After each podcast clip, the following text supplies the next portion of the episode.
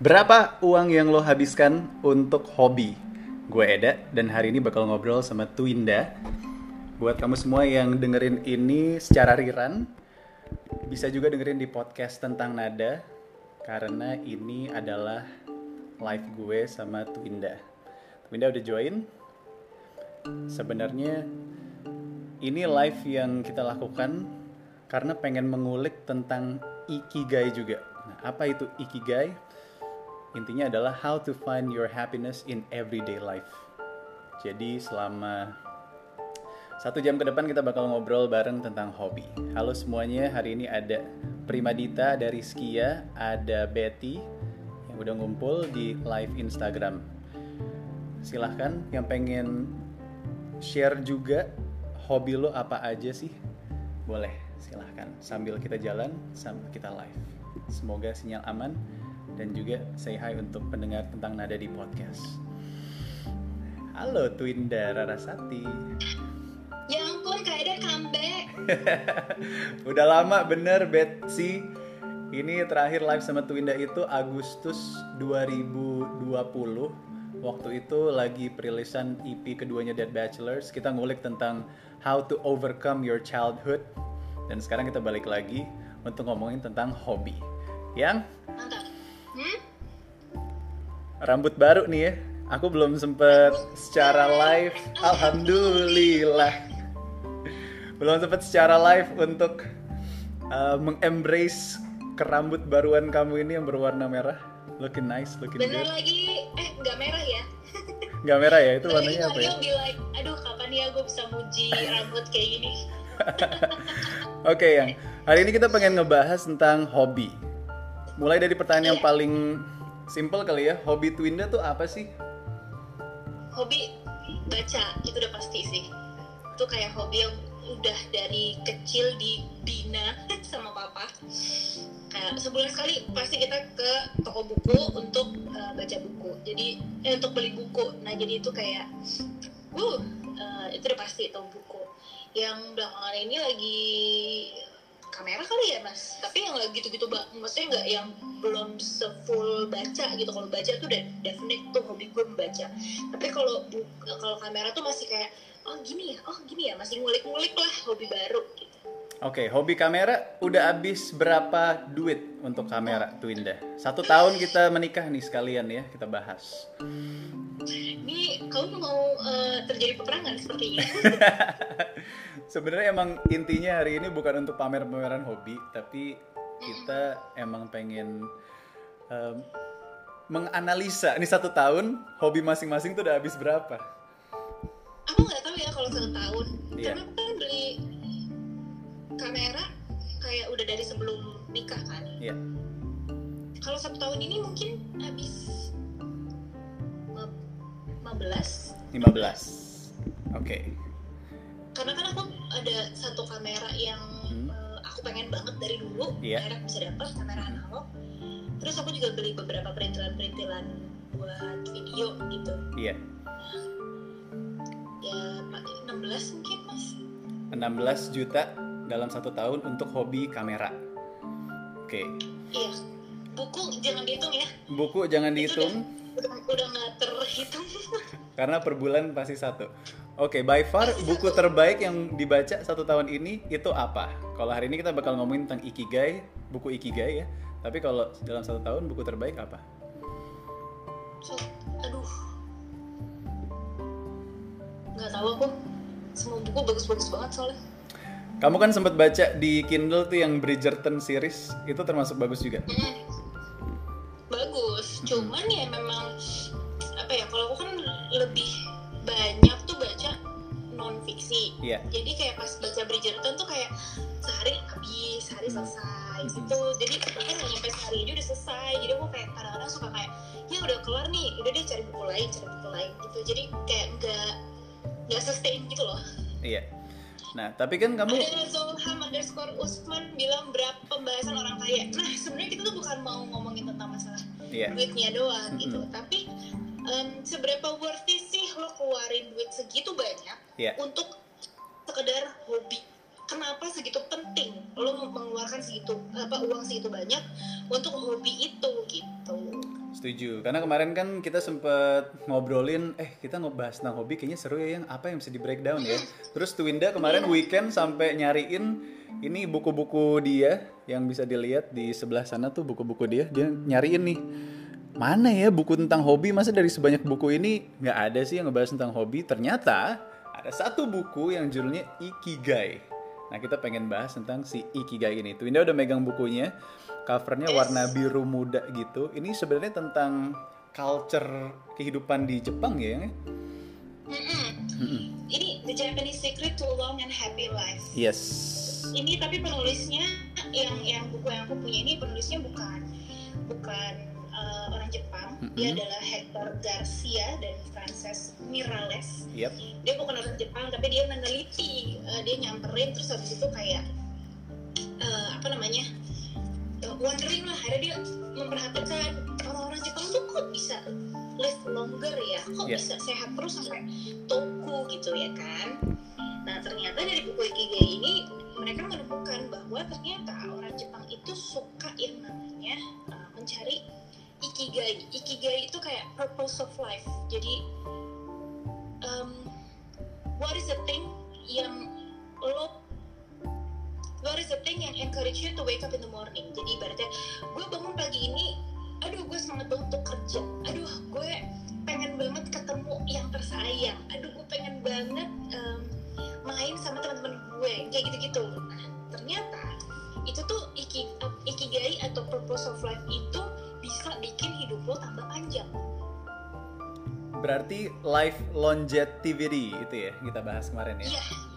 Betul. Nah terus aku penasaran dong kan? Kayak apa hubungannya gitu ikigai sama hobi dan lain sebagainya. Iya. aku nemuin kayak jurnal gitu mas. Ternyata kalau misalnya em, yang aku baca dari itu yang dibuat sama Kimiko Tomioka dan kawan-kawan di tahun 2015 oke. Judulnya adalah hubungan antara memiliki hobi dan tujuan hidup atau ikigai dengan uh, mortalitas, aktivitas sehari-hari dan aktivitas instrumental sehari-hari pada lansia. oh Ternyata iya em, kesimpulannya adalah kalau misalnya kita punya hobi dan uh, tujuan hidup, itu tidak hanya meningkatkan kemungkinan usia kita tambah panjang, tapi juga harapan hidup lebih sehat pada lansia. Coba, maksudnya itu cuma sekedar hobi. Hobi itu bisa macam-macam ya, lo nggak perlu ngeluarin puluhan juta. Bahkan hobi yang simpel aja sebenarnya lo juga bisa untuk em, memperpanjang usia lo. Setuju. Hobi, sekuat itu memang. Ini shout out buat teman-teman yang udah komen juga ada Minggu Libur Podcast di Bandung Iksan Pratama. Temen gue hobi main game gacha tembus 60 juta. Terus juga ada Putri, kalau udah hobi biasanya susah, biarpun harganya mahal bakal tetap dibeli. Nah. Kalau misalnya sudah menikah harus minta perizinan Menteri Keuangan yaitu Twinda. Oke. Nah, ini kan Menteri Keuangan dan Domestic Affairs. domestic affairs. Jika nanti di save, iya karena kita akan live juga. Kita save di podcast tentang nada di sini. Em, iya ngebahas tentang hobi itu satu kata yang magical dan kita kadang mencari tahu sebenarnya awalnya kita berhobi itu dari siapa sih? Kalau aku boleh sharing ya, aku ternyata sadar hobi aku itu dapat dari kakung. Kakung Pawaka, Suwarso Pawaka itu beliau kan memang bekas tentara angkatan darat, kemudian pensiun dan akhirnya menjalankan hobinya yaitu berkebun. Dari berkebun akhirnya dia punya kebun Warso Farm di Desa Cihideng Bogor dan itu menanam hobinya dia yaitu eh, pohon duren terus beralih ke naga dan beralih ke cabe. Alhamdulillah sekarang udah ada 23 hektar ya di Warso Farm gara-gara hobi doang nih. Nah, dari kakung akhirnya turun temurun, kakung nurunin hobinya ke bokap aku, uh, papa aku, dad. Itu hobinya golf, turun ke aku yang akhirnya juga suka main golf. Dan juga dad yang awal pertama kali kenalin aku ke gaming. Nah, kalau di buku Ikigai itu kan ada pembahasan how to find happiness in everyday life. Nah, salah satunya ternyata memang dengan hobi ini ya, ya. Iya, itu aku setuju banget. Jadi em, sering kali, jadi tadi kan aku sempat buka question and answer gitu kan. Yep. Lo hobi penting nggak? Terus ada yang bilang gitu, hobi penting. Kalau enggak lo stres karena lo kerja mulu gitu. Yep. Terus aku penasaran kan, em, sebenarnya lo tuh perlu hobi untuk keluar dari rutinitas lo, atau lo emang as a human being lo butuh hobi sebagai part of your routine of your routine gitu. Jadi antara hobi adalah em, kamu exit dari semua rutinitas kamu melakukan hobi Mhm. atau hobi itu harusnya part of uh, keseharian kamu. Terus aku search lah gitu. Tuk tuk tuk tuk tuk ya kan Yep. banget sekarang online everything aku udah nemu sebuah artikel dari buffer.com judulnya The Science of Side Projects Yap. How Creative Hobbies Improve Our Performance at Everything. Di situ kayak dia nulis gitu yang udah aku translate lah biar gampang. Seringkali tuh kita menganggap bahwa leisure, leisure atau kesenangan Iya. itu adalah kita cari escape. Kita pengen uh, keluar dari rutinitas atau mungkin pekerjaan kita. Kita mungkin stres di kantor. Udah deh gue mau uh, golf biar gue nggak stres gitu. Yap. Nah, se- sehingga kita tuh jadi bukan mencari kesenangan dalam uh, hobi itu sendiri. Padahal tujuan hobi itu adalah kita punya uh, kita gain something kan. Kita bisa grow, kita bisa uh, develop ourselves gitu. Mhm. Tapi karena kita mikirnya ya golf karena biar uh, nggak stres di kantor. Yap. Karena kita cuma pengen keluar dari rutinitas. Nah ternyata justru hal ini tuh salah satu hal yang bisa memicu kita bisa masuk ke depresi. Terus Oke. aku langsung kayak, "Hah, selama ini gue baca supaya gue nggak bosen, selama ini gue Yep. baca supaya gue nggak gue nggak uh, stres gitu misalnya kayak dengan Yep. kegiatan gue gitu. Tapi ternyata uh, kita juga penting untuk menganggap hobi itu sebagai sebagai um, sebuah rutinitas part of our routine. Yes. Ini menarik banget sih. Maksud aku, gitu sama aktivitas itu. iya. Maksud aku em, ada dua mindset berarti ya. Hobi yang dijadikan Mm. sebagai pelarian karena gue stres kerja. Ya udah gue lariin ke Betul. hobi. Atau hobi yang dilaksanakan bareng sama pekerjaan lo gitu berarti. Iya, betul. Dua-duanya benar. Cuman ketika kamu terus menganggap bahwa hobi adalah escape from your work, Mhm. from your life, Yap. nah itu yang menjadi uh, jurang depresi. Ternyata aku juga baru baca terus aku juga, ah ini gue salah dong. Oke, kalau di buku Ikigai itu kan dia ada bab yang membahas tentang find flow in everything you do. Nih kan, kalau di sini dia ada find flow in everything you do, how to turn work and free time into spaces for growth. Nah, kalau yang aku belajar dari buku Ikigai ini adalah satu kata yang em, keywordnya adalah flow. Jadi setiap hari kita mesti punya flow untuk menjadikan apa yang menjadikan hobi kita dan pekerjaan kita itu jadi balance. Kalau aku sih nangkepnya kayak gitu yang contohnya flow misalnya begini. Flow Eda sama Twinda tiap pagi tuh beda loh. Misalnya Beda banget. beda banget kan kalau Eda misalnya flow-nya tiap pagi dia tidak mengecek HP tapi dia bangun beres-beres rumah terus olahraga. Baru di saat olahraga olahraga kan termasuk hobiku nih yang. Di saat olahraga aku buka handphone untuk membalas semua kerjaan aku. Jadi aku melakukannya berbarengan. Nah buat aku itu cara untuk uh, turn work and free time into space for growth. Aku tumbuh Oh. bersama hobi dan juga kerjaanku. Nah kalau tuh Winda flow-nya beda tiap pagi dia dia sempat curhat sama aku wah aku nggak bisa kalau kayak kamu gitu mas flow-nya kalau aku beda kalau kamu kayak gimana yang flow-nya Kalau aku tuh bangun, aku tuh bisa lele dulu iya sambil ngecek HP. Ngecek HP tuh bisa bales WhatsApp, pokoknya semua kerjaan, bales email apa Hmm. gitu-gitu tuh Mhm. bangun itu gitu. Iya. Karena menurut aku itu tuh the hardest thing to do ya lo harus kerjain di paling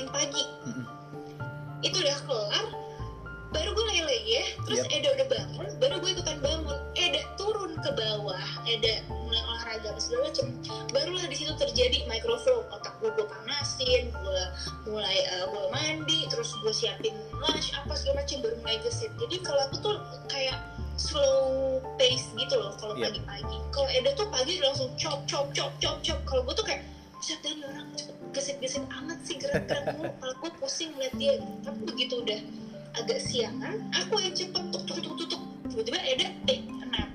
Eda Iya. tidur siang Iya. Sementara gue masih kayak warawiri, warawiri, warawiri, warawiri Mhm. gitu kita ternyata ya mas Betul. Ini ada pertanyaan bagus dari Ed Sali KHN. Kalau hobi dijadiin kerjaan, kalau suntuk sama kerjaan pelariannya gimana kak? Gitu. Nah tuh gimana tuh mas? Karena kamu kan sering kali ya hobi dijadikan pekerjaan kamu kan Betul, karena siaran itu adalah pekerjaanku, termasuk hobi aku karena musik. Nah, kalau suntuk sama pekerjaannya, kalau buat aku pekerjaan itu kita punya pekerjaan yang memberikan penghasilan sama memberikan gaji, ya kan? Ada main job, ada side job. Nah, kalau buat aku, hobi itu juga harus punya main hobi yang memang kalau hobi adalah kerjaan lo, itu lo gabung sama kerjaan lo nggak apa-apa main hobi dan juga side hobi. Contoh misalnya kalau aku hobi sama kerjaan siaran, side hobi board game sama main golf misalnya, kan gitu kan? Uh, jadi ya kalau misalnya ternyata kamu menjadikan hobi sebagai pekerjaan, Yep. at least kamu punya hobi lain yang untuk rilis juga ya, gitu ya. Betul. Soalnya kalau kita balik lagi ke si buku Ikigai ini, aku aku ngelihat chart yang bagus banget di sini. Jadi kalau di buku Ikigai ini dia ada keywordsnya passion, terus ada mission, ada profession, sama ada vocation. Nah, kebanyakan kan kita hidup dengan moto follow your passion, do what you love, love what you do gitu kan. Nah, kalau buat Eda, ini si passion sama profession udah ketemu siaran kan. Nah, di saat professionnya lagi suntuk nih, sama passionnya lagi suntuk, oke, gue gue masih punya passion lain, bisa main board game, bisa main golf gitu, ya kan? Jadi harus punya side hobby. Oke, Ini menarik. Em, pertanyaan aku lagi nih mas, ini kan maksudnya gini, kita kan berpasangan. Mungkin boleh dibalikin itu ruang tengah kita agak diekspos. oh iya sorry. Mungkin kita bisa ngobrol ini sih mas, aku penasaran aja gitu ya. Hmm, banyak di sini yang udah mungkin punya pasangan gitu, terus Iya. udah gitu kayak gue penting gak sih gue punya hobi yang gue jalanin sama pasangan gue atau lebih baik gue menjalankan hobi yang nggak sama pasangan justru gue jadi gue punya me time dan dia punya me time sendiri Yep. menurut kamu tuh kayak gimana Oke, kalau di rumah tangga Eda dan Twinda, me time itu termasuk menjadi prioritas. Dan kita menghargai me time kita sesama. Kalau misal ditanya, em, apakah me time itu penting? Ya penting. Tapi untuk menyeimbangkannya dengan hobi kita, gimana? Nah biasanya ya komunikasi yang aku ngasih kamu waktu untuk me time, ah, sebaliknya juga aku seperti itu. Gitu kan yang kita alami selama ini. Bet- betul jadi menurut kamu em, hobi itu oke kalau misalnya satu pasangan punya satu hobi yang sama dan nggak apa-apa juga kalau misalnya masing-masing punya me time yang masing-masing gitu hobi masing-masing yang dijalanin sendiri misalnya kayak kamu golf aku nggak mau golf gitu Iya. Iya, tapi kita juga punya satu hobi yang sama yaitu board game betul. Betul. Itu tidak ngomongin apa-apa. tentang board game Iya. tadi di belakang tadi tuh di awal-awal tuh dia ngomong sama sama board game-nya eh, Kak Ede di belakang ya tolong ya dijelaskan itu eh, apa yang ada di belakang kamu Yap. kenapa bisa sampai sebanyak itu Boleh. agak beranak apa gimana Boleh. Yang hanya mendengarkan ini via audio. Jadi di belakang gua memang ada rak board game. Ini sudah masuk ke tahun kedua gue sama Twinda mengumpulkan board game.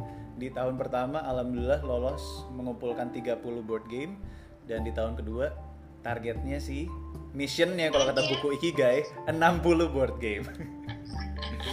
nah, ya Nah, selama ini kalau ngomongin hobi board game yang memang magical adalah buat aku yang orangnya selama satu tahun tuh Twinda suka khawatir ini orang kok apa-apa ngelakuinnya sendiri, main sendiri, siaran sendiri, walaupun emang partnernya sama Mario, tapi ya gara-gara pandemi juga most of the time kita bermusik di Dead Bachelors workshop juga sendiri. Jadi kapan ini orang bergaulnya? Nah akhirnya uh, Twinda lah yang menginisiat, menginisiatif membuat inisiatif sendiri untuk Mas kamu undang dong beberapa teman-teman kantor kamu untuk main board game di rumah atau undang saudara-saudara untuk main board game di rumah. Jadi untuk aku yang memang orangnya agak sulit bergaul ya. Keinginan bergaulnya tuh hasratnya dikit gitu. Jadi dibantulah dengan board game ini. Akhirnya alhamdulillah di 2021 ini setiap minggu kita rajin konsisten ngadain board game night. Itu saudara-saudara boleh datang ataupun teman-teman juga sebenarnya boleh datang.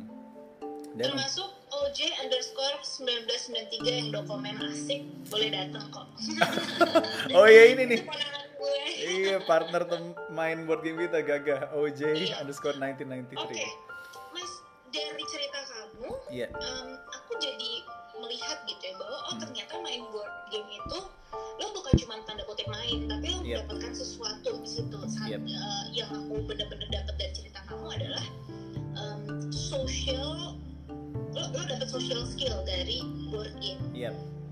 Karena akhirnya mau nggak mau harus main sama orang gitu kan. Iya. Akhirnya interaksi, negosiasi dan lain sebagainya. Tapi aku juga notice di belakang kamu tuh ada beberapa eh, board game yes. yang sering kamu mainin sendiri. oh betul di sini ada Jadi board kalau game di Wingspan belakangnya Eda itu ada board game yang namanya Wingspan. Itu Yep. ada dua eh, board game di situ. Mhm. Wingspan itu sering banget Eda mainin sendiri dan Hmm.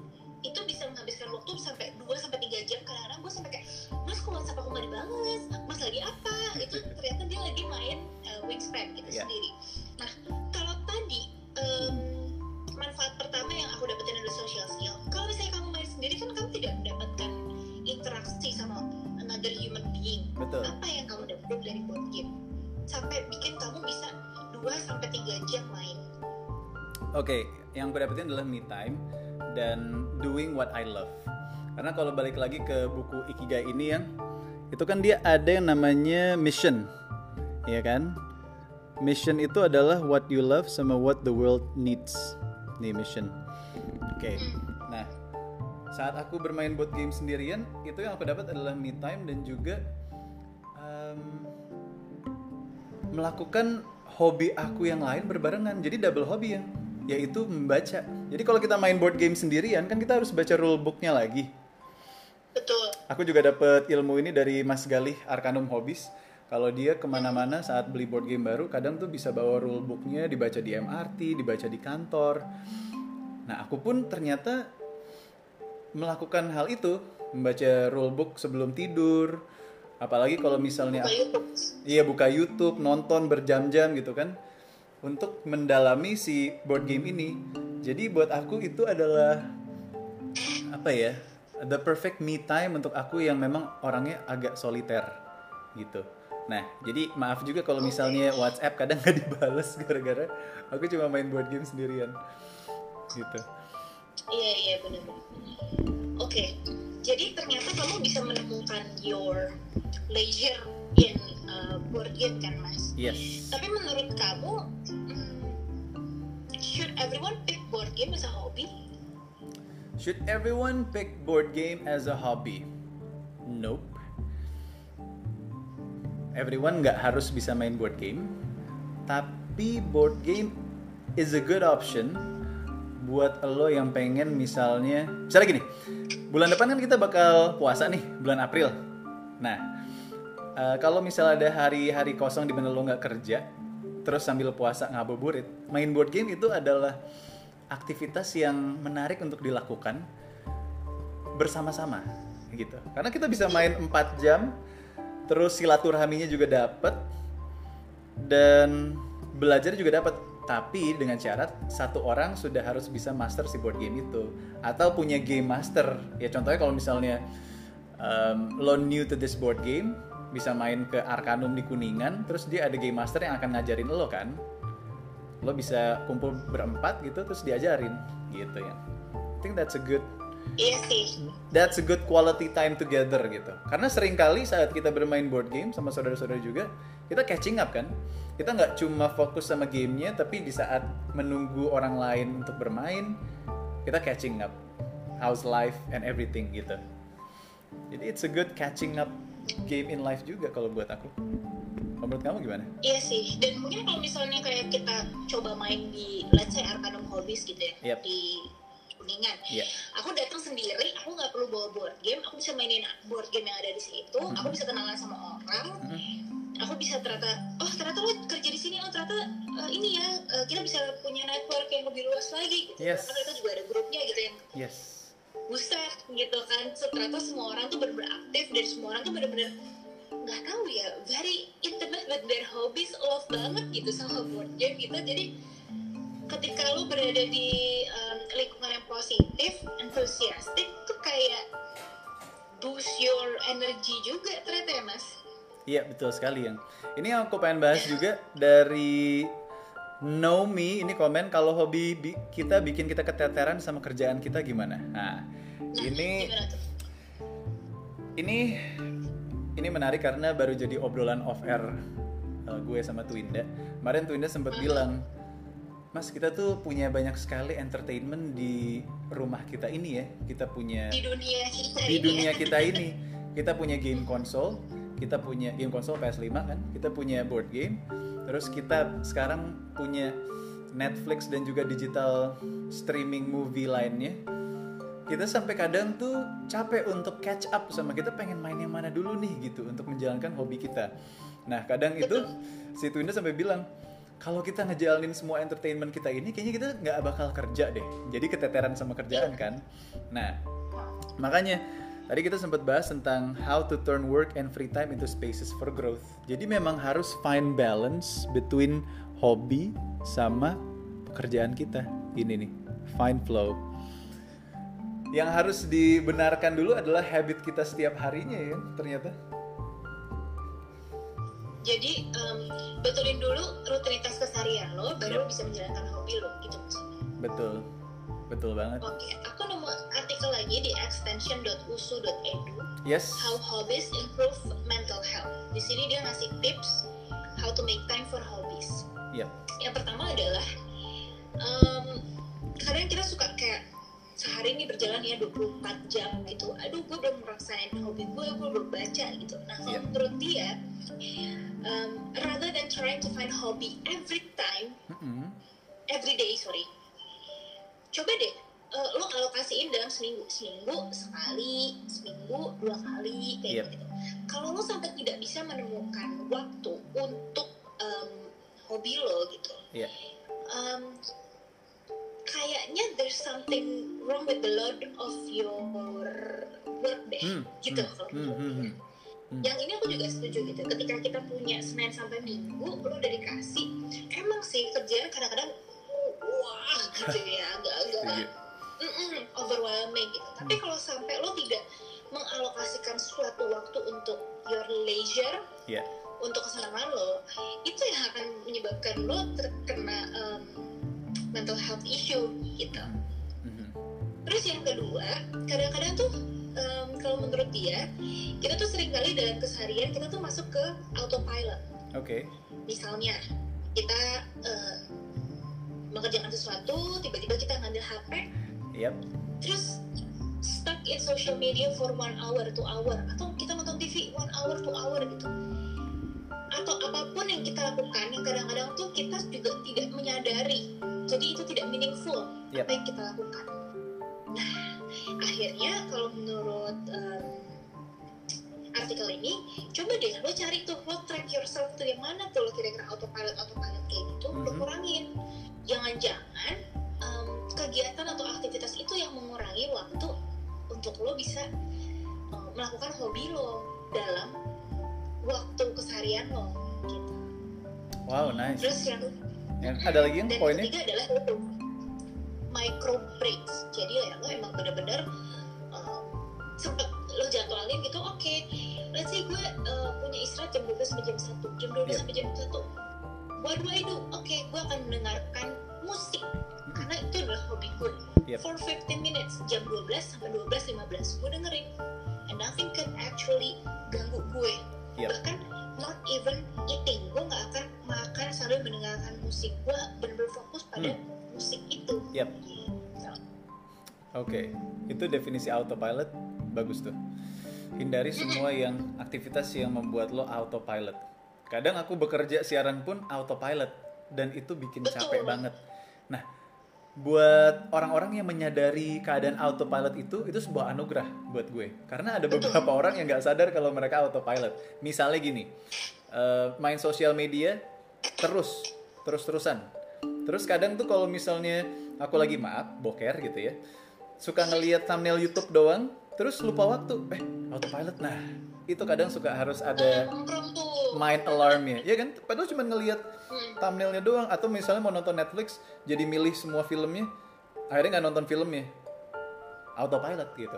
Oke, ini di komen ada yang bagus Aji Bayu Satria, ide bagus ngabuburit main board game, silahkan dicoba gitu ya. Terus ada Kang Hayal. Kak, kalau saya punya pacar, tapi saya bingung nih, uangnya saya pakai buat hobi saya atau buat pacaran ya? Hmm, menarik. Inilah jawabannya. Main board game, datang ke Arcanum Hobbies, ya di Kuningan, lo bisa pakai uang lo untuk uh, main barengan sama pacar lo, kan? Hobi, main game, dan juga pacaran dapet gitu. Jadi memang Iya sih. today's talk gitu kita udah ngobrol sekitar 30 menit it's about find balance between pekerjaan lo sama hobi lo balance dan lo bisa menemukan ikigai itu that flow in life yang membuat lo bahagia setiap harinya gitu ya kan Benar. Jadi dulu waktu awal mula eh, Mas Eda memulai hobi board game-nya, itu gue eh, ikut ke mana dia beli board game, ke mana dia belajar board game, mau Yep. gue jadi ikut, gue ikutan research, gue ikutan buka YouTube, gue ikutan, gue pengen tahu gitu kan, Hmm. karena waktu itu gue mikirnya gini, I'm gonna spend the rest of my life with this guy, Hmm, so I should know better dong about him jadi gue Yep. pengen gue cobain ikutin hobinya oke kayaknya ini cocok nih sama gue gue akan ngikutin hobi lo yang ini yang Yep. board game karena gue waktu tapi gue mikirnya ah paling cuma sebentar nih paling board gamenya enam bulan lah gitu hmm, little did I know ternyata ini extended to one year bahkan dia se-entusias itu gitu Iya. tapi gue gue sendiri juga mendapatkan nilai lebih setelah gue belajar eh, setelah gue bermain board game Iya. Karena contohnya aku jadi ternyata bisa lebih tahu diriku sendiri gitu. Oh ternyata gue tuh begini ya. Gue tuh ternyata begitu ya setelah gue main beberapa uh, board game. Hmm, ya kan? Betul. Atau gue juga bisa tahu lawan lawan main gue ini tuh orangnya seperti apa. Misalnya kayak gue main sama Eda gue jadi tahu oh ternyata Eda tuh ambisius tapi diem hmm, jadi dia keep his ambition in himself gitu. Hmm. nah itu yang uh, pengetahuan itu yang ternyata bisa keluar setelah aku main board game. Yep. sama Eda dan akhirnya itu yang membuat aku untuk oh gue bisa tahu partner gue lebih dalam nih dari board game. Betul. Iya jadi sih? jadi keywordnya adalah involve. Eda saat itu yang baru masuk ke hobi board game menginvolve pacarnya Twinda ini untuk eh yang yuk. Nih aku aku lagi suka main board game nih. Kayaknya bisa jadi hobi baru aku. Kamu mau nggak main sama aku? Kita belajar bareng. Dan kebetulan nemu titik tengahnya karena gue yang suka gaming dan Twinda yang suka baca. Jadi kalau misalnya beli board game gue yang main Twinda yang baca rulebooknya. Jadi balance gitu. Involvement itu penting. Nggak harus board game hobinya. Misalnya tadi si Kang Hayal itu hobinya ngayal. Ya udah involve involve pacar lo untuk ngayal bareng eh gimana ya kalau misalnya suatu saat kita bisa eh, masuk ke jenjang yang lebih serius atau ya gitulah involve your partner ya kan ya oke ini ada komen-komen yang menarik nih Bener Hmm, dari Nur? Hidayat. Eh, Eda pernah nggak beli sesuatu tanpa diketahui Twinda? Coba Twinda yang bisa jawab kali. Kok aku yang bisa jawab kan aku nggak tahu ceritanya. Oh, kamu kamu nggak? harus jujur. Oh iya juga. Oke ini jadi terjadi. Sebenarnya gue gue adalah tipe orang yang em, memberitahu ke pasangan gue kalau gue pengen beli sesuatu. Dan biarkan Twinda untuk oke kamu boleh beli ini kamu enggak karena di household gue Twinda adalah manajer keuangan. Tapi jadi kalau untuk pernah beli sesuatu tanpa diketahui Twinda gue nggak pernah. Tapi tidak sengaja gue membeli di depan matanya Twinda. Jadi waktu itu baru dapat PS5 dari Raffi Ahmad. Terus gue lagi nyari game apa nih untuk first game gue main PS5, nyari di digital. Oh ternyata ada Spider-Man Miles Morales- gitu kan. Oke, eh, yang aku pengen beli game ini nih, kayaknya seru deh.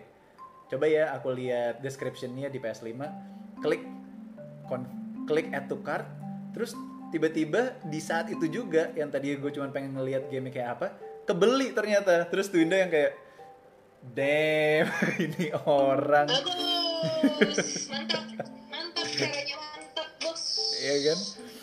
Oke. but Ini- anyways Iya. Um, sebenarnya gini, ini cocok juga dengan pertanyaannya Ishraki underscore Siregar. Gimana kalau pacar kita membatasi hobi kita? Iya. Nah, kalau misalnya dari ceritanya Eda tuh kan terkesan aku tuh ngebatasin um, apa namanya hobi-hobinya Eda gitu lo nggak boleh beli mainan lo nggak boleh beli board game gitu Iya. sebenarnya em, aku komunikasikan ke Mas Eda atau ke pasanganku lah intinya Yep. bahwa eh eh, gue nih bilang jangan itu bukannya jangan selama lamanya lo nggak boleh beli game gitu tapi Yep. maksud gue adalah jangan dulu kita habis keluar uang buat ini ini ini ini hari eh, kit- eh, kira-kira dalam dua minggu lagi kita akan bayar ini ini ini itu butuh sekian. Yep. jadi mendingan jangan beli eh, game dulu. Yep. kita mainin yang kita punya gitu. Jadi I always give him reasons. Kenapa sih gue bilang no at that time? Kenapa sih gue eh, bilang jangan? Itu ada alasannya gitu. Jadi kalau misalnya kamu nanya kenapa eh, eh, apa gimana kalau pacar kita membatasi hobi kita? Tanyain dulu you must know the reason. Kenapa sih kok pacar membatasi hobi kita? Emang hobi kita apa? Hobi kita mainin perasaan orang. Dia pasti dilarang sama dia dia takut dimainin. Itu betul. ya kan? Nah, tapi kalau hmm, tapi kalau misalnya hobi kamu adalah hobi yang positif let's say hobi yang positif itu termasuk sekarang ya termasuk contohnya main game. Itu sebenarnya masih positif gitu. Hmm. tapi pacar ngelarang ngebatasin hobi. Kenapa? Karena kamu punya waktu seminggu kamu habiskan eh, seminggu itu kan 24 per 7 ternyata dari 24 per 7 itu kamu menghabiskan eh, sekitar em, 3 sampai 5 jam sehari untuk main eh, apa sih namanya ini mas mainan kamu? Konsol PS5, bukan HP Eh, Mobile Main- Legend. mainan handphone gitu. Misalnya kayak Mobile Legend Iya. PUBG kamu menghabiskan 3 sampai 5 jam. Yep. akhirnya dia nggak punya waktu sama kamu. Hmm. nah mungkin dia membatasi hobi kamu karena dia pengen punya waktu lebih sama kamu. Nah Hmm. itu yang harus kamu komunikasiin sama uh, pasangan kamu. Oke aku akan main Mobile Legends sekitar 3 sampai 5 jam. Tapi uh, setelah itu aku akan nemenin kamu Yep. aku akan kasih waktu untuk kamu gitu. Yep. karena intinya semua orang tuh hanya butuh dikasih em, tahu alasan bukan Yep. alasan reason not excuse Hmm. Reason. gitu reason not excuses gitu. Wow. Padahal reason itu artinya alasan, tapi reason sounds lebih positif ya dibanding alasan yang kayaknya agak negatif gitu. kalau excuses tuh kayaknya ada ada Excuses, kalau iya. reason tuh bener, uh-uh. Hmm. kalau reason tuh adalah alasan utamanya Oke. gitu. Oke, kasih alasan berarti Ishraki ya. Ini dari Naomi lagi, but what about if we have a hobby, terus kita bosen, akhirnya uangnya kebuang doang buat beli barang dan gak kepake lagi. Nah, menurut gue hobi itu termasuk komitmen, ya kan? betul Jadi ketika hobi itu lo beli dan bosen, itu buat gue hanyalah tadi bahasan gue sama Twinda, itu hanyalah pelarian lo sesaat. Ibaratnya lo lapar mata, ya kan? Hmm. Itu nah kalau gaya hidupnya seperti itu, lo nggak akan menemukan si ikigai ini, lo nggak akan menemukan Hmm. everyday happiness in life karena saat lo stres gue pengen beli ini untuk menyenangkan gue sesaat abis itu gue bosen udah gitu nah ber- bersyukur yang aku udah di tahap di mana udah udah umur 30 gitu.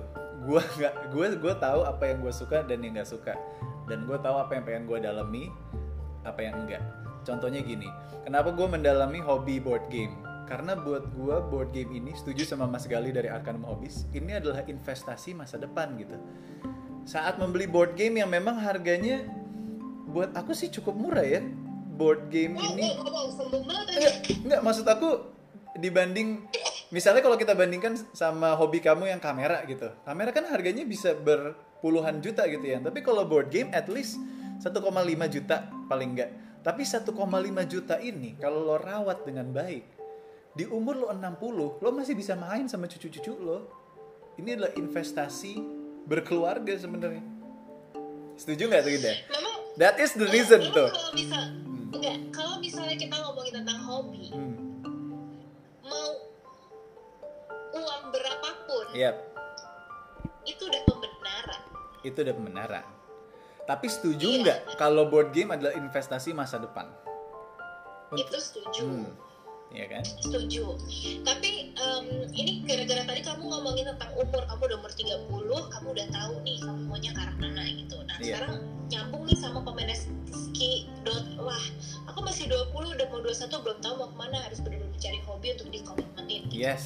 Sebenarnya balik lagi menurut aku hobi itu tidak berkaitan langsung dengan umur Yep. karena em, kadang lo bisa menemukan hobi lo dari umur 16 tahun Hmm. contoh dan papanya Eda itu mulai dari SMA atau kuliah itu sudah menemukan hobinya yaitu golf Betul. beliau tekuni sampai sekarang beliau menjadi em, senior golfer gitu kan Kapten Golf bisa- Romangun. Heeh, betul. Jadi lu udah bisa eh, menemukan hobi lo tuh dari umur berapa aja. Iya. Nah, justru aku tuh baru pick up camera itu di usia tiga tahun dua tahun tiga tahun lalu. Iya. Di usia dua empat Mhm. dua lima Mhm. itu baru pick up a new hobby. Mhm. Bahkan Eda baru tahun lalu pick up a new hobby yaitu board game di Iya. Yes. umur 28 atau 29 gitu Betul. gitu jadi menurut aku hobi itu kamu nggak akan pernah em, em, bisa tentuin bahwa di umur sekian aku udah harus nemuin hobi aku udah harus Iya. nemuin ini nemuin itu Iya. karena balik lagi bahkan ketika kita udah uh, let's say gitu mungkin kita udah senior Yep.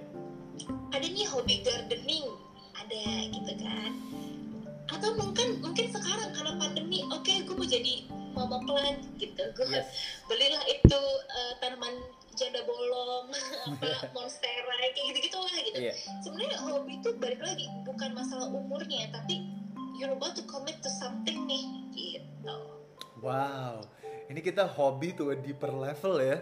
Nice. betul Di menit ke-41 hobi sama dengan komitmen. Nih aku suka nih. iya aku dah itu aku nggak nyangka padahal kan sebenarnya orang tuh mem- meng- memiliki hobi untuk their leisure time Hmm. untuk bersenang-senang Hmm. tapi kita ngomongnya terlalu dalam sampai oh kok jadi kayak serius Tapi memang ternyata hobi seserius itu. Saking seriusnya kadang eh saking seriusnya kadang it's a way untuk lo bersenang-senang sambil serius. Itu kan jadi jadi balance kan?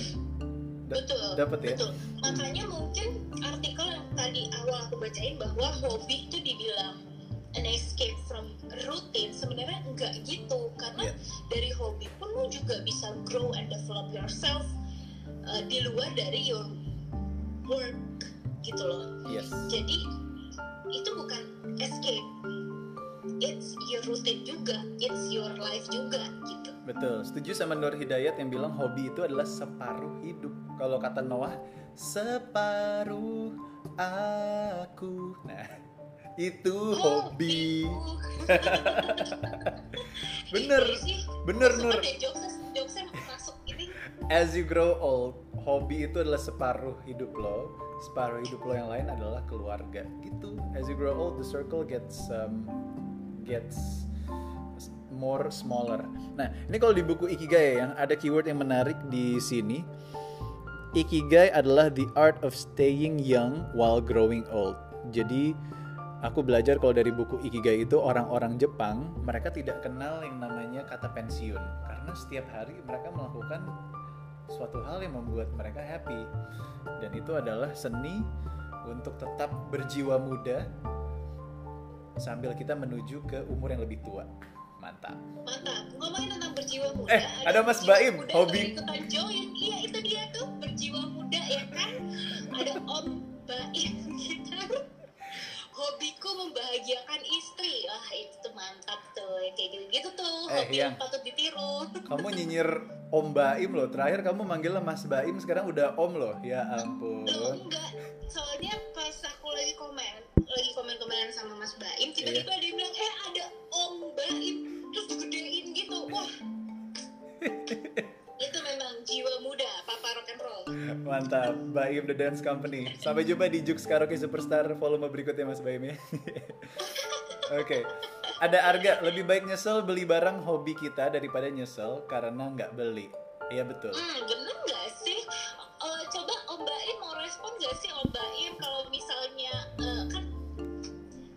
ya yang aku lihat gitu ya dari sosial media seorang Baim itu punya banyak banget gitar, makanya Baim gitar, ya kan? Benar. Itu adalah hobi yang sekaligus dijalani em, sebagai pekerjaan juga. Yes. Nah, nyesel pernah nyesel dong pastinya gitu ya gara-gara mungkin gak beli gitar yang ini Hmm. atau mungkin nyesel gara-gara beli gitar yang itu Yes. gimana? Mas Baim lebih nyesel mana nggak beli atau udah beli barang tapi nggak kepake? Nah, untungnya kalau gitar itu saat udah beli dan nyesel itu bisa dijual lagi. Karena iya. karena teman-teman hobinya banyak kan. betul. Nah, kalau board game kan masih ibaratnya marketnya itu rare yang ya kan? Segmented. Niche. Nggak rare niche. niche. Niche bener. Niche. Hmm, dan itu tergantung juga kualitasnya eh, apakah Betul. boxnya masih bagus atau enggak gitu. Gitu. Iya sih. Tapi kalau kan nih ini ini lebih ke kamu sih. Kamu kan punya kamera aku, nih. kamu kan hobinya kamera lighting dan everything about um, fotografi sama videografi. Pernah nyesel nggak beli kamera? Karena aku ingat waktu itu aku pernah ngasih kamu kamera terus ke update lagi setahun berikutnya. Kamu kamu izin ke aku ya aku boleh tukar kamera ini ke kamera yang lebih oke nggak gitu em, karena kebutuhanku ternyata meningkat Yep. Hmm. gitu jadi kamera yang kamu kasih dengan speknya sekian sekian sekian oke itu doable to do my work at the time Iya. tapi ternyata seiring berjalannya waktu aku udah mulai ngulik-ngulik oh kayaknya ternyata kamera ini bisa di-upgrade nih menjadi uh, kamera berikutnya yang bisa memberikan aku um, options to do my work gitu Yep. karena kan kamera ini juga aku pakai untuk kerjaan aku di Hmm. sosial media gitu Yep. jadi menurut aku kamera itu sebenarnya bisa jadi investasi juga kayak buat bisa banget. Apalagi banyak kan em, apa kamera-kamera yang emang kalau dijual tuh harganya bisa naik termasuk kamera aku. Nah, itu yang berarti kamu kan telah melakukan ikigai kamu di mana kamu itu nih kalau kita lihat table ikigai lagi, passion kamu kamera, mission kamu itu berbanding what you love sama what the world needs, yaitu duit misalnya. Nah, what can you what you can be paid for yaitu influencer dari kamera-kamera ini. Berarti kamu udah itu menjadi profesi kamu kan? Ikigai. Berarti kamu sudah complete the whole cycle of passion, mission, profession, and vocation ikigai dalam hobi kamu. Jadi kalau misalnya aku boleh kasih kesimpulan untuk kamu, kamu udah fulfill this ikigai sebelum umur kamu 30. Jadi congratulations. nice, nice, see it that way ya gitu karena gak tahu kadang-kadang tuh kita live in hustling culture di mana semua tuh harus um, rich before 30 Iya. sukses before 30 Iya. married before 30 Hmm. semua tuh sepertinya tuh kayak 30 itu kayak suatu threshold yang Yep. lo harus bisa sukses semua sebelum 30 padahal menurut aku tuh kayak hey semua orang tuh punya waktunya gitu Iya. terus sekarang kamu bilang kamu udah nemuin ikigai kamu di uh, sebelum umur 30 yang sebenarnya aku ngerasa belum sih gitu cuman nice when you put it that way aku jadi merasa kayak oh oke I'm one of those yang lucky enough untuk bisa menemukan my ikigai before before I reach a certain age gitu. Iya. tapi buat yang belum Hmm. sebenarnya nggak masalah gitu karena Bener. bahkan orang Jepang pun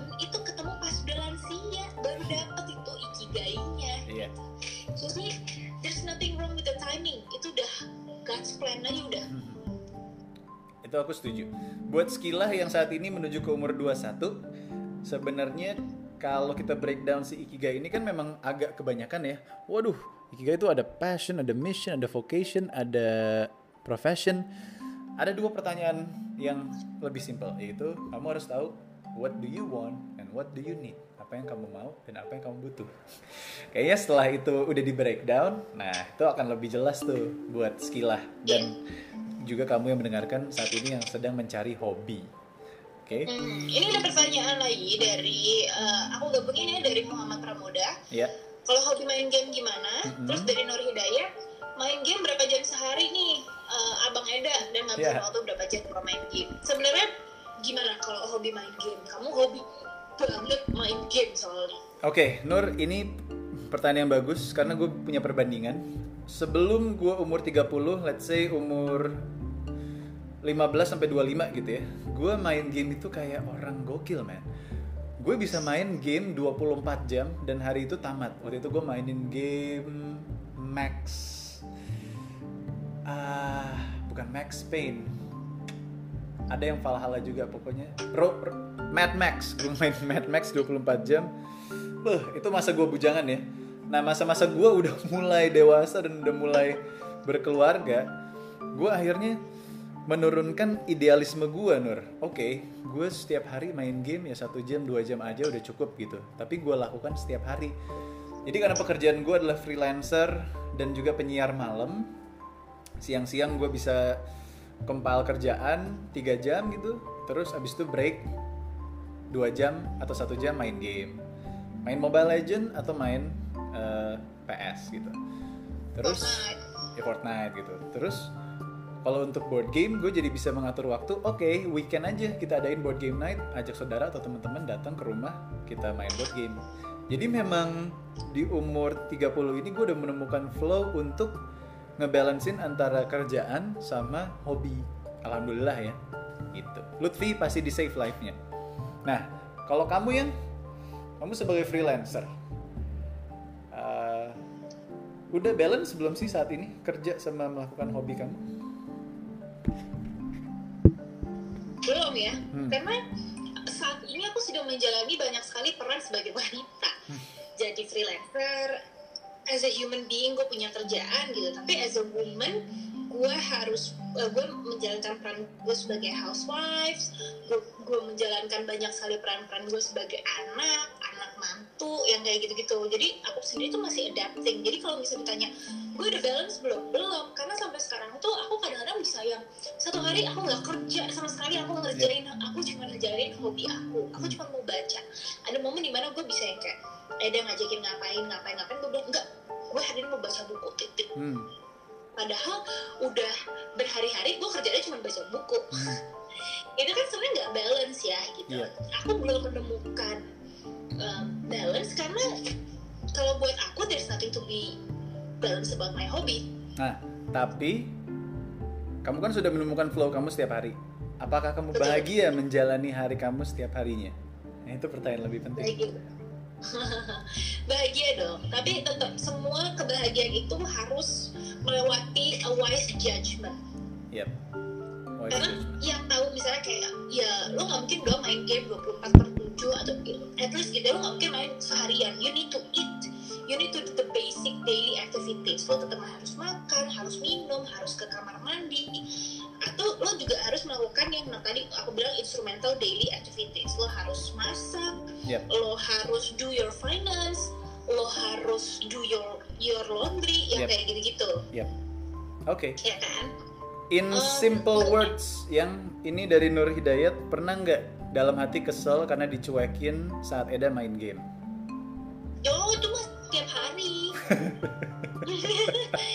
ya kan? Maksudnya kayak kadang-kadang nih misalnya kayak yang yang yang mau bahas sesuatu nanti kayak lagi main Mobile Legend. Oops, okay gitu. Tapi I understand gitu karena dia udah kerja, udah pokoknya dia udah uh, make his time ini waktu gue untuk menjalankan hobi gue di sini gitu. Jadi ya aku harus mau nggak mau respect his um, time table gitu. Gue ya gue yang mau masuk ke timetable-nya dia ya kenapa gue acak-acak gitu Iya, tapi sih. emang itu itu facts kalau saat gue main game, Twinda nge-respect waktu gue, jadi dia nggak ganggu gue gitu. Walaupun gue kadang juga nggak enak, aduh, mestinya gue ladenin dia nih, tapi lagi ya udah satu game dulu ya, yang abis itu kita lanjut. Oke, to wrap this up yang karena udah hampir satu jam. Ini pertanyaan bagus terakhir dari Melisans. Kalau main board game lebih seru kalau rame-rame. Pas pandemi gimana menikmati main board game? Itu sebenarnya bisa banget, Melisa, kalau solusi dari gue sama Twinda adalah gini board game memang bisa rame-rame berdua belas gitu berdua puluh lima itu bisa. Tapi sebenarnya board game adalah game yang paling pas untuk pandemi. Kenapa? Karena paling lu ngumpul untuk satu board game nih misalnya contoh main apa? Main Star Wars cuma berdua. Atau Game of Thrones berempat udah enak udah seru gitu nah menikmatinya adalah eh, lo bisa main di rumah atau datang ke Arcanum Hobbies di Kuningan. Di situ udah ada game masternya. Lo tinggal datang sesuai protokol kesehatan. berempat diajarin main game bayar sek- seber- berapa puluh ribu udah 4 jam main cabut gitu atau pas puasa lebih asik kan ngabuburit abis itu buka bareng ya kan In? Bisa bisa kayak gitu jadi em, itu tackle message-nya ya kalau misalnya eh, Melisa ngerasa gimana ya kalau pandemi gimana harus menikmati main board game asal you have the you have to find the right uh, place Yep, and the right people Yes. dulu gitu right place, right people. Wow. gitu oke em, to sum this Yap. berapa uang yang lo habisin buat hobi? Di sini gue dapet artikel lagi how much is the right amount to spend on your hobby? Jawabannya adalah emang nggak ada persentase yang paling tepat. Tapi kalau misalnya eh, lo pengen spend your money on your hobby ada baiknya itu 10% of your income supaya nggak ngeganggu cash flow lo yang lain. Yep. gitu. Jadi em, atau ya lo nabung dulu nih. Oke bulan ini gue nabung nabung 10% 10% 10% oke bisa nih gue beli eh, buku yang ini board game yang ini kamera yang ini. Tuh bisa nih gue dengan 10% per bulan ini gue bisa main di let's say Arcanum Yep. gitu. Jadi em, itu jawabannya. Berapa uang yang lo habisin buat hobi? Sarannya adalah sekitar 10% of your income savings. Yes. Jadi buat yang belum berpenghasilan alias masih dapat duit dari mama papa, 10% dari uang jajan lo. Oke, terima kasih teman-teman Eh, buat skillah bermanfaat banget pembicaraannya kayak lagi nonton webinar tinggal sertifikat. Ya sertifikat virtual silahkan diambil. Di screenshot. Biasanya kalau webinar iya di screenshot. Oke boleh ya aku aku screenshot kamu deh. Kayak gitu lagi ya? Oh, iya. siap. Oke. Ini lima menit terakhir kalau di podcast tentang nada kita insya Allah bakal ngobrol sama Mas Gali dari Arcanum Hobbies. Pengen tanya board game of the week-nya apa untuk minggu Oke. ini? Kalau minggu lalu kan Everdell minggu ini apa? Eh, silahkan dengarkan di podcast tentang nada. Dan juga live Instagram ini bakal kita save di Instagram feeds gue Narendra Pawaka. Jadi um, thank you yang udah dengerin rirannya dan thank you yang udah join live Makasih Twinda. Terima kasih Narendra. Sampai jumpa di MC-MC berikutnya ya. Bye bye.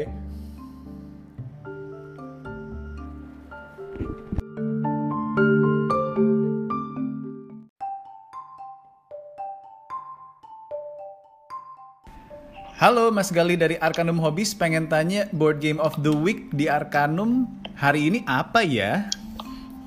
Nah, kali ini ada yang hot nih. Ini baru banget nyampe juga nih kebetulan buat temen-temen.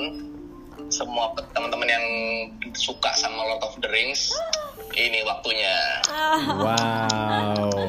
Jadi ada board game baru dari FFG. Sebenarnya bukan board game baru sih. Ini Mhm. eh, dirilis ulang versi anniversary edition karena ini salah satu board game yang cukup disegani sih. Disegani. Dulunya banyak nih eh, apa?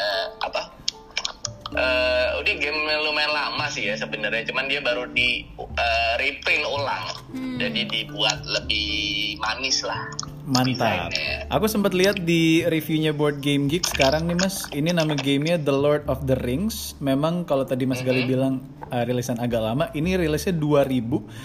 Eh, nggak tahu ini sama atau enggak. Mudah-mudahan kita on the same page ya. Jadi descriptionnya cooperative cooperatively play cards, progress across adventure boards, and destroy the One Ring. Ini keluaran Fantasy Flight Games tahun 2000 bisa Betul. dimainin 2 sampai 5 player. Bener yang ini ya Mas ya berarti ya? Iya. Wow. Oke, bedanya yang Lord of the Rings biasa sama yang anniversary ini apa? What makes anniversary edition so special? Basically sih ini eh, di dipercantik lah biasanya kalau dalam board game ya istilahnya ya. Jadi memang ada eh, kualitasnya, komponen-komponennya dibuat lebih manis. Meskipun sebenarnya tidak ada eh, yang bener-bener diganti baru, Hmm. cuman jenis plastiknya, terus kayak printingnya dan box artnya tuh eh, ada sekarang lebih clean gitu. Kalau dulu tuh ada framingnya gitu depan. Oh, oke. Tapi Jadi semua buat- rules buat- apa Ah, segala ini sempat soalnya produk ini sempat eh, habis kan dulu sempat lama. Jadi sempat dicari-cari juga di teman-teman eh, board game dulu. Mm-mm. karena udah udah banyak demandnya lumayan tinggi tapi eh, ya itu tadi. Nggak nggak. Makanya di reprint ulang karena itu sih faktor itu juga Oke, minggu lalu kan kita ngebahas tentang board gamenya itu Everdell, Mas. Ini kalau aku lihat Iya. di The Lord of the Rings board game ini, dia juga ada mountain tops gitu ya, yang bisa naruh player-playernya. Atau aku salah lihat nih? mountain top maksudnya Jadi ada, Ada gunungnya 3D-nya. gitu, iya 3D-nya. Eh, itu yang War of the Ring kali yang lu lihat ya bukan Ini sih judulnya The Lord of the Rings ya. Terus ada kartu-kartu sama board gamenya gitu. Versi nah mungkin yang lihat itu juga ada yang versi ini kali ya apa namanya Mm. eh customan Oh. Jadi kalau kalau teman-teman di apa penggila Lord of Ring itu emang gila-gila emang beneran. Jadi ada yang bikin custom ini, custom detailnya segala macam itu tuh ada juga yang bikin. Oh oke, Kayak tapi di, di Arkham juga ada teman-teman yang bikin eh, di di Deluxified namanya Deluxified. Jadi boardnya itu ditambahin lagi di 3D print gitu, jadi ya nimbul, nggak nggak cuma flat gitu-gitu tuh. oh wow, ternyata board game pun juga bisa additional customized ya. Betul, kalau emang udah hardcore ya pasti orang gila juga sih gitu. Kayak beberapa ada yang nggak puas sama komponennya dia ngeprint ulang tuh dia bikin lagi yang ininya lebih detail segala macam. Nice, Serunya itu sih. nice, nice, nice. Gokil, ini tahun 2001 menang Literary Game Winner di Spiel de Jahres sama 2002 Japan Board Game Prize Best Japanese Game Nominee. Ini game kooperatif berarti ya Mas ya untuk menghancurkan Ya. si ring ini surviving the corrupting influence of Sauron. Berarti kita co-op gitu, terus di tengah-tengah bisa ada traitornya atau enggak? Pure co-op apakah?